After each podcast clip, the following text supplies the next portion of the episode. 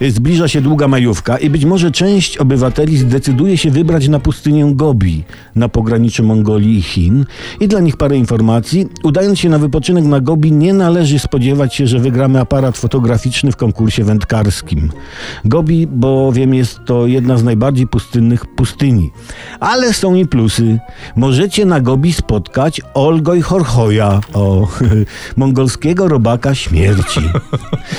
Przybliżył go właśnie czytelnikom jeden z portali. To jest taki tajemniczy stwór, o którym krążą legendy. Może mieć nawet metr długości, jest silnie jadowity. Chodzą pogłoski, że umiera każdy, kto go dotknie. Żywi się innymi zwierzętami, mówią, że może pożreć nawet człowieka.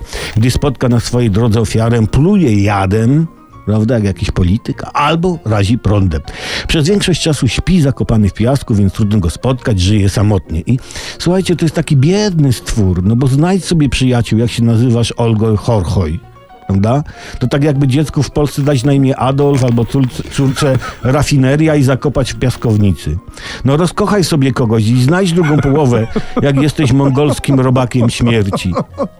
No nie jest łatwo, nie jest. Biedny Olgor Horchoj. Jest jednak e, on głównie znany z tego, że najprawdopodobniej nie istnieje. Tak jak faraon Pipek. Też prawdopodobnie nie istniał. No cóż, e, warto wybrać się na pustynię Gobi, bo kto pierwszy sfotografuje mongolskiego robaka śmierci, ten zostanie bogatym człowiekiem. A jak nie jedziecie na Gobi, to, to nie. No i tyle. Grille są. To.